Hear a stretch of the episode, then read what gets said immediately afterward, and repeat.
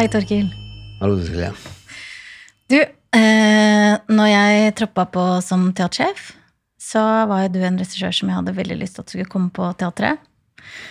Eh, og egentlig så er jo du en regissør som jeg har hatt lyst til å jobbe med veldig lenge. Allerede når jeg var på teatret vårt. Husker du vi snakka om, eh, eh, om den bølgeforestillingen til Eli Rygg? Ja, ja, Ja. ja, ja. ja. Stemmer, stemmer. Så du er en regissør som jeg har hatt på blokka i mange år, mm, og som jeg hadde veldig lyst til at skulle gjøre noe. Og spesielt siden du også bor eh, her i området, mm, så tenkte jeg at det var herlighet. Eh, it's a dream come true. Og så begynte vi å snakke om eh, eh, hva, er det, hva er det du er interessert i, og hva er det som kunne passe for teatret? Og da hadde du jo egentlig flere kjempespennende prosjekter. Men det jeg kanskje kikka aller mest på, det var det som da hadde arbeidshitteren Vernskogen. Og som handla om bonden og bondens kår og landbrukspolitikk. Mm. Og så eh, er jeg veldig nysgjerrig på å høre deg snakke litt nå om hvor den ideen egentlig kom fra. Ja. Landbrukspolitikk, det er jo knusktørt. men, ehm, men så er det egentlig ikke det heller. Eh, kan man kanskje begynne med begynnelsen? Uh, kommer jo fra ei landbruksbygd, eller tidligere landbruksbygd. Og jobba mye som avløser da jeg var ung, og sett uh, veldig mange forskjellige typer gardsbruk. Og jeg har sensa lenge at det har vært noe som ikke stemmer, selv om jeg aldri liksom har tenkt så veldig nøye over det. Men så um, har jeg òg havna i mange samtaler der jeg har blitt dratt mer og mer inn i noe, og ikke så rent sjelden eh, hendte det at jeg satt og drakk eh, heimbrygg med han Agnar Tingnes, og han snakket alltid om Helge Bergo. Ja, jeg hørte på han snakket om Helge Bergo og Helge Bergo, men ok. Eh, så dør Agnar, Og så får jeg fatt i ei bok som han hadde, så Helge Bergo har skrevet, som heter 'Avvikling av den norske bonden'. Jeg begynner å lese den. Og det begynner å åpne seg ei Ei vær av problemstillinger som er eh, uhyre viktige, syns jeg. Og så får jeg lyst da, i 2014, til å ta tak i dette her. Og, et, eh, og da har jeg ikke jobba med noe sånn dokumentarteater i særlig grad før, men det har Aslak Moe. Så jeg hogger tak i han og sier du må hjelpe meg, for nå skal vi lage noe på dette her. Og han blir med, og vi starter et stort researcharbeid.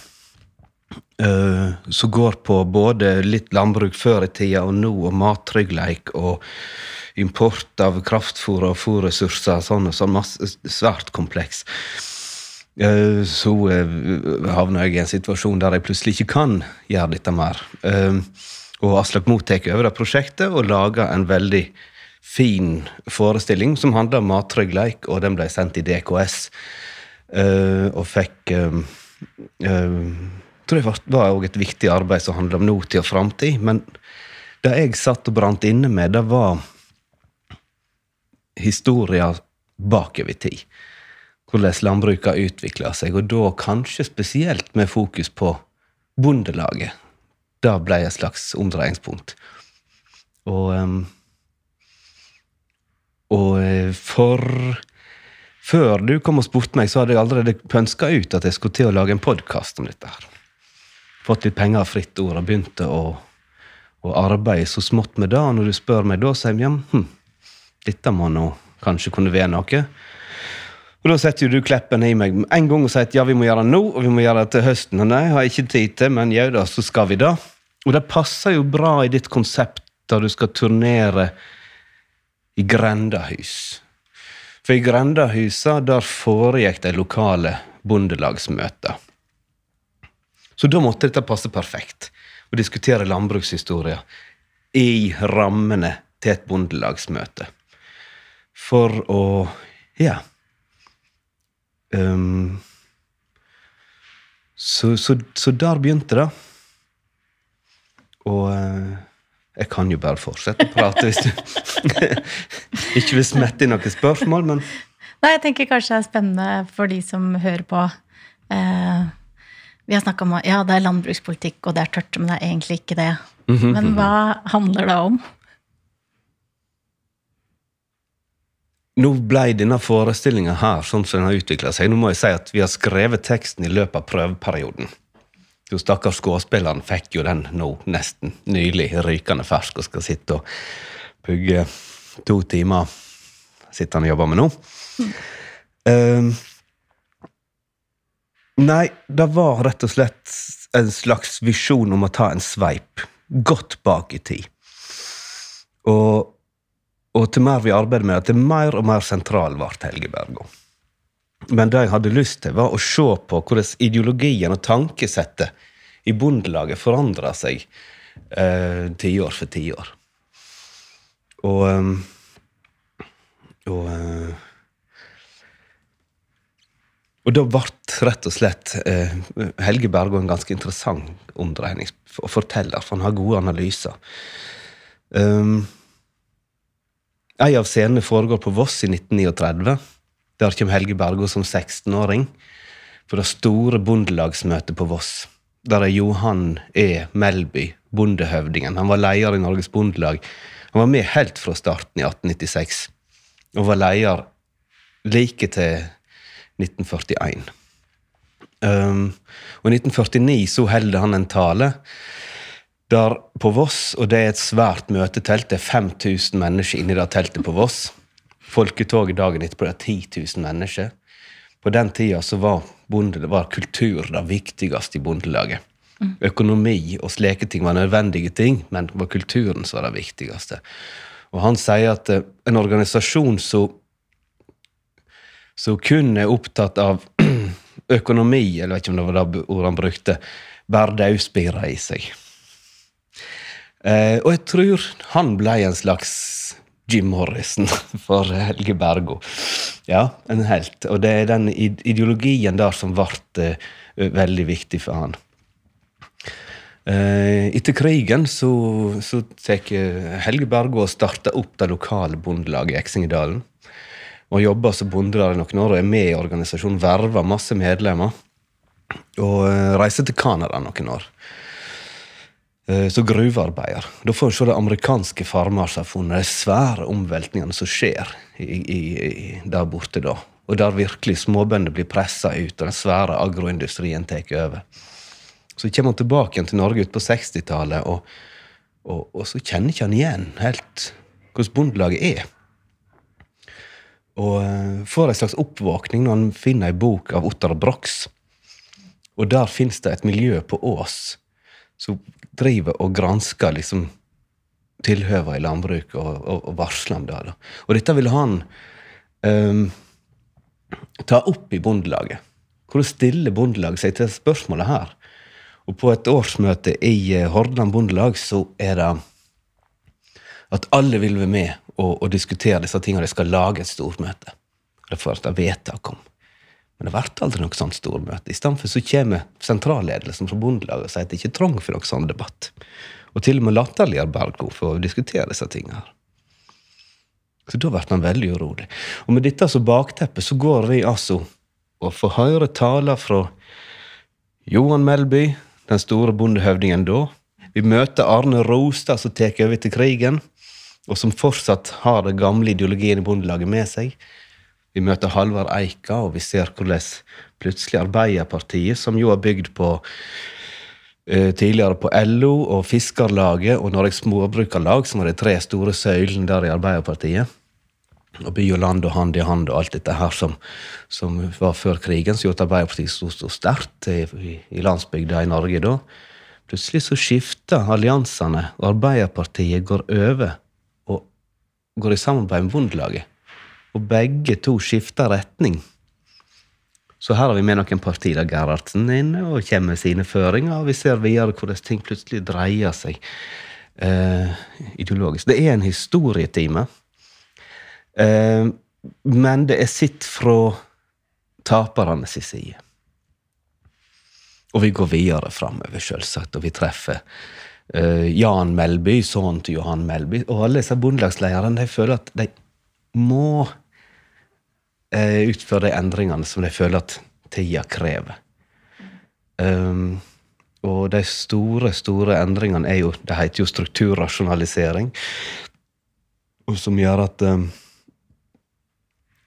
færre skal produsere mer billigere. Ja. Det er jo, alle kan jo synes dette er greit, og mange vil kanskje også synes det er helt greit at vi kan jo legge ned alt norsk landbruk og heller importere ting. Det er billigere å importere ting fra utlandet enn å lage det sjøl. Og Det bryter veldig med bondelagsideologien fra før krigen. da, Der de sier man skal vri gullkorn ut av Norges fattige jord. Um, uh, men så sier Bergo da, da, at ok, uh, hele Norge er bygd rundt landbruk, har vært. Og etter krigen så var det en eh, 350 000 årsverk i norsk landbruk, fordelt på en 225 000 bruk. Flesteparten små, små, små, små eininger. Flesteparten deltidsbønder. Alle hadde noe småtteri ved sida av, om det var skog, eller om det var noe annet pusla med i bygda, eller om det var litt industri, eller om det var fiske, eller sånn. Um, det er klart det er mange som vil kunne si det, at nei, sånn kunne ikke vi hatt det nå. Det er bare svelt i helbruk. Uh, og det er klart, uh, klart det er det, men så likevel Norge er laga på den måten. Så når en tar ut um, landbruket fra bygdene, som jo er resultatet her, og heller dirigerer inn til større eininger, eller kanskje én bonde som må drifte ei hel bygd, sånn som det er nå, så forsvinner etter hvert, hvis man ikke da klarer å fylle opp med annen næring, så forsvinner um, Så forsvinner folk. Så legger man ned skolen og så legger man ned butikken, og så har man plutselig tapt et enormt næringsgrunnlag og et livsgrunnlag for mange. Eh, og, Arbeiderpartiet, dette er jo kjent, de ville jo gjerne flytte folk. Det var jo en viktig del av, av Gerhardsen sin prosjekt. Både å heve lønningene til bøndene. Det var vedtatt i 1947, jamstillingsmålet. Alle bønder skulle tjene like mye som industriarbeiderne. Mm. Og så ville de um, Og så skulle man ha arbeidskraft til, til industrien. Og, og, dette fikk han da til gjennom at noen få skulle produsere mer billigere. Og da var det meningen at bøndene skulle få den, det overskuddet fra den rasjonaliseringa. Mm. Det skjedde jo aldri. Ja. Så, um, så da ble det å flytte masse folk inn i byene, og da sier jo Bergo da at uh, de jobber jo ikke i industrien, disse folk her. Det er bare fåtallet som jobber i industrien. De jobber mest med å bygge hus seg sjøl. Bygge veier, bygge kafeer, bygge skoler, bygge barnehager, bygge sykehjemmer og, og, hva som måtte til der. Og, og du har fått en sånn voldsom fortetting der. Alle ressursene har gått dit, og de små bygdene som kunne vært et bra liv for veldig mange mennesker, det, det, legges ned. Og er det sånn vi skal bruke ressursene våre? Det er jo et spørsmål han, han stiller, da.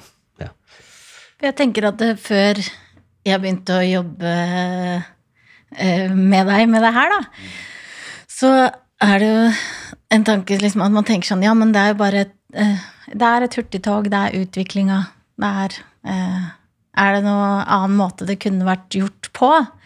Og så syns jeg det er veldig spennende det som du har sagt. Ja, selvfølgelig er det det. Og de eksemplene også fins. Når du har snakka om Sveits og Østerrike, og at det fins en det, funnet, det, finnes et alternativ, da.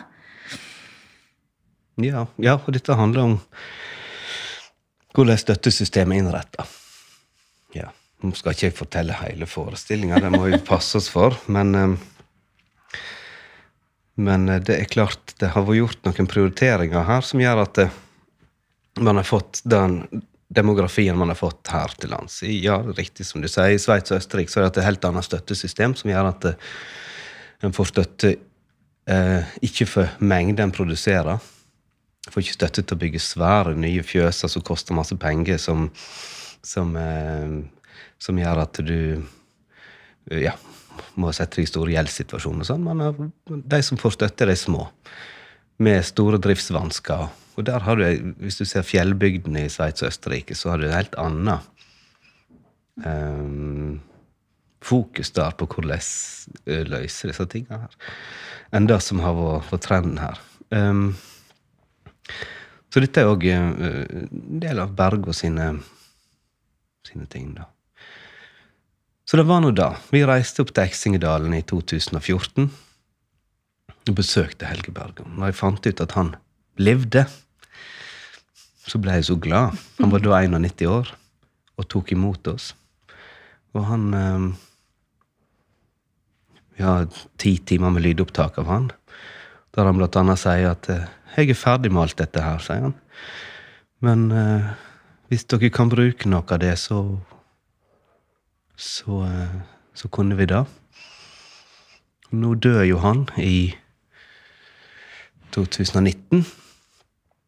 Og eh, i samtaler jeg har hatt med familien hans, og, sånn, så har vi fått da løyve til å forvalte dette materialet her, og det å lese gjennom manus og, og sånn. Men i det arbeidet vi har gjort, så har vi òg eh, snakka med veldig mange andre mennesker som har vært sentrale i, i landbruket og i denne utviklinga her. Og Senest nå i forrige uke så har jeg fått tak i Plutselig eh, fått kontakt med det gjenværende miljøet på Hitra. Der etter de store slaga i landbruksutviklinga står, når du kommer inn på 70-tallet. Der eh, senest i stad, for en times tid siden, ble jeg oppringt av eh, Bergljot, som var eh, sekretær, eller tok referat under det store møtet på Hitra 9. oktober eh, 1975. Og kunne fortelle at hun har alle notatene der, og de hadde hun leita fram. Og hun kunne, ja, der jeg kunne bekrefte og nyansere de delene av forestillinga som handla om det som skjedde på Hitra, f.eks. For du har gjort et enormt eh, skal vi kalle det detektivarbeid. Eller i hvert fall samle så mye forskjellig informasjon, da. Eh, Det er jo eh, Når vi sitter nå og ser på hvem skal krediteres i program og kilder og sånn, så liksom vokser fram hele den mengden av materiale som, eh, eh, som du har funnet over tid, og også i den perioden som har vært nå. Men hvordan er forskjellen, da, hvis du kan si noe om det i det å lage noe som er fiksjon, og det å lage noe som er dokumentarteater? Ja, da må jeg jo si noe som er Helge Bergå sine ord. Det er jo det at det er mennesket med i spillet. Og da snakker han òg i forhold til landbruk, selvfølgelig. Og Nei, men det er jo klart, her er det, her er det ekte mennesker, og alle skal behandles med, med stor vørne. Og alle som er med i det stykket her, har sine perspektiver. Uh, nå er jo de fleste som er med i det stykket her, uh, uh, gått ut av tida. Um, det er to, to, to som jeg iallfall veit om, som, som er her ennå. Det er Arnfinn Aune fra Hitra og, og Per Harald Grue, som jeg har hatt flere intervju med og sendt over tekster og kan det stå sånn. Mm. Uh, nei, men, men alle man må forstå det at uansett hvilken prioritering som er blitt gjort, så har alle som har vært med på den utviklinga, hatt sin overbevisning og tenkt på hva som er rett for seg, og alle som er med jeg har henta tekstene til folk fra offentlig tilgjengelige kilder fra taler de har holdt med sine egne ord. Vi har henta tekster som kommer fra referat fra stortingsdebatter. Um, vi har henta referat fra um, ja, utgitte, publiserte taler. Vi har henta tekster fra og fra samtaler som vi har hatt, og, og um, så folk stort sett i stykket framstår med sine egne ord, eller iallfall med sine egne tanker. Og øhm, Og uh, en prøver å balansere dette her. Man må forstå hvert enkelt menneske ut fra den konteksten de er i. Og så må publikum Nå hørte du i stad at jeg kanskje hadde noen tanker om Eller iallfall Helge Bergo har noen tanker om hva som, hva som har gått tapt med de prioriteringene som er blitt gjort. Uh, men uh, det ligger selvfølgelig mange prioriteringer. Jeg forstår Gerhardsen òg. Han hadde et land som skulle gjenreises.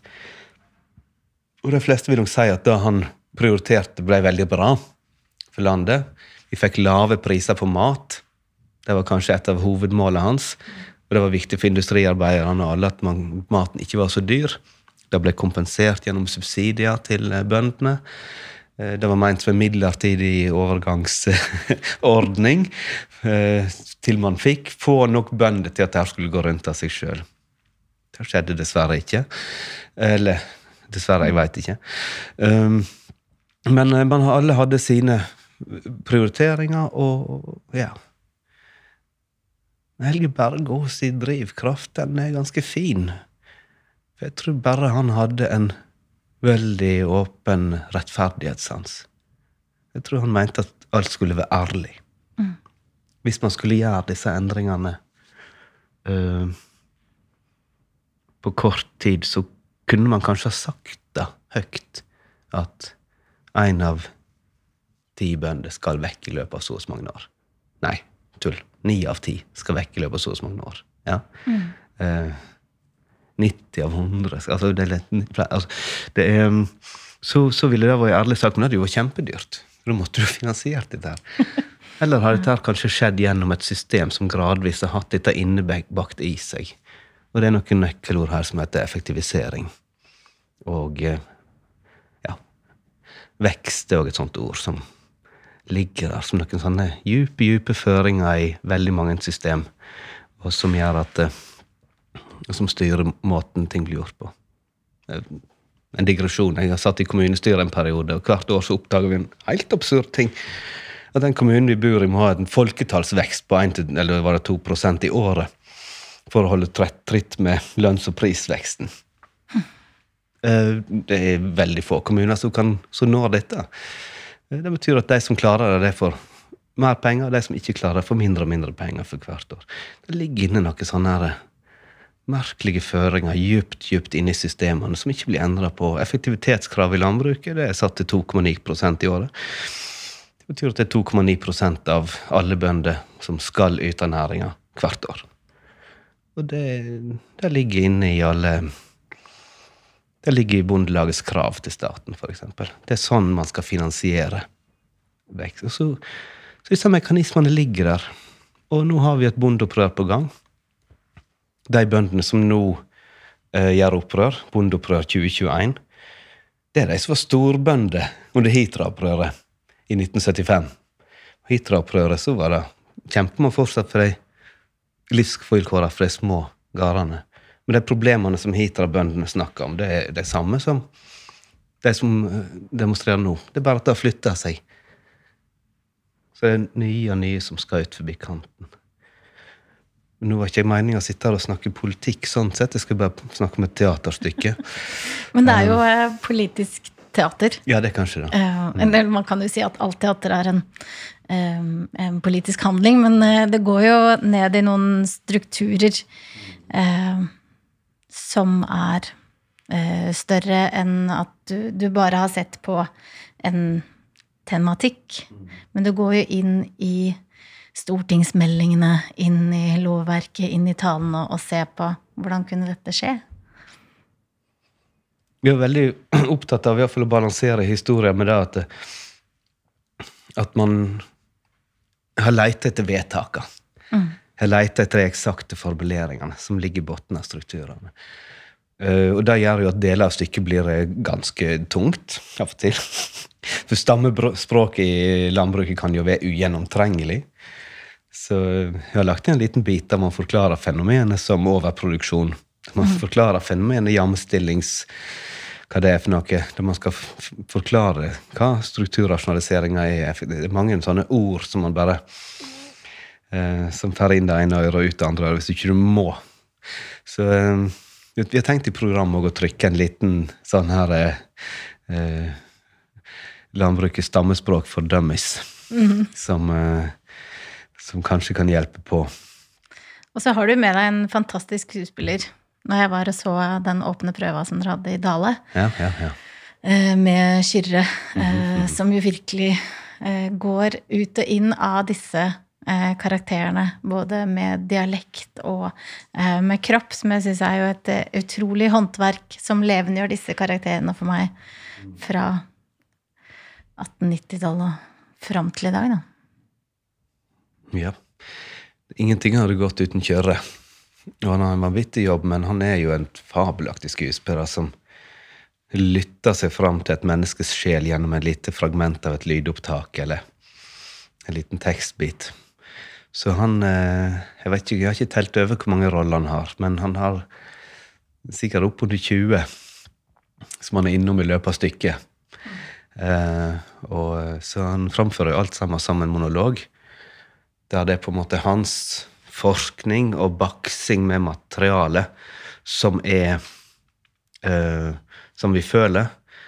Der det er hans ja, rett og slett leiting og, og undring som bringer han opp i møte med Bergo, og som tar han til alle disse viktige møter og talene, og tar oss med inn i til Stortinget og inn til Øksnesutvalget og inn til Hitra-bøndene og det store møtet der, og, og, og, tar oss med på denne reisa her.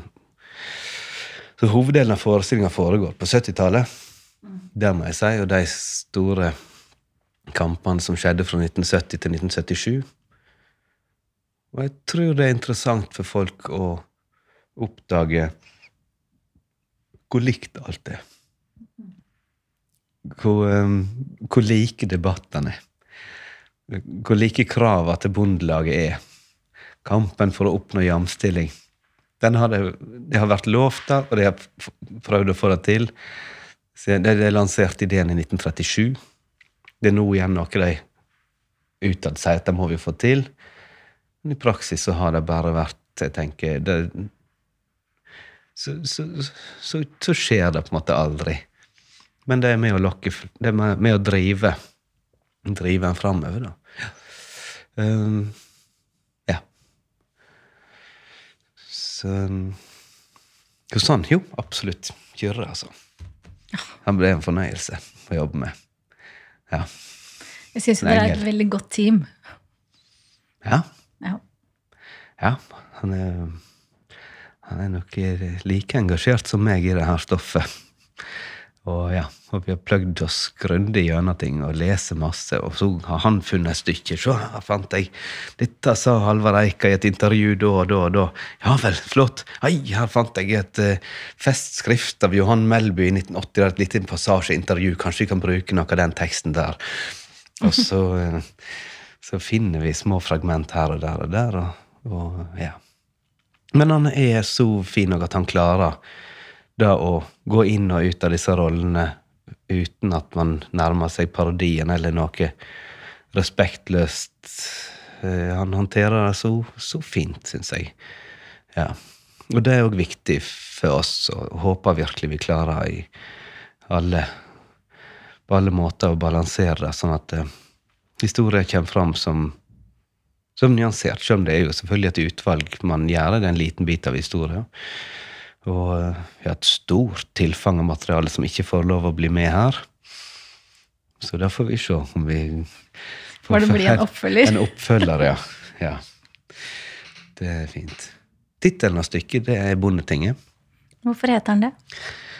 Da er jo på en måte navnet på um, det på det store årsmøtet i Bondelaget hvert år.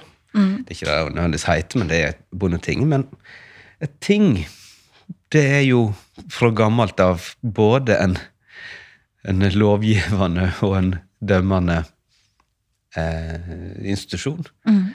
Og i det her bondetinget så er det så er det ei gransking av historia og hvilken prioritering som er blitt gjort, og, og man prøver å ja, åpne opp sånn at mekanismene blir synlige. Det kan bli det er vanskelig å få øye på fra utsida. Ja. Du, tusen takk for praten, eh, Torkil. Jo, det var hyggelig. Jeg gleder meg skikkelig til å se et ferdig resultat. Ja, jeg håper mange kommer og ser dette her. Virkelig. Ja, det føles veldig viktig. Vi, så kan vi krangle om det etterpå, om det er, en, om det er sånn verden var, eller om det er annerledes. Mm. Mm. Vi får se. Ja.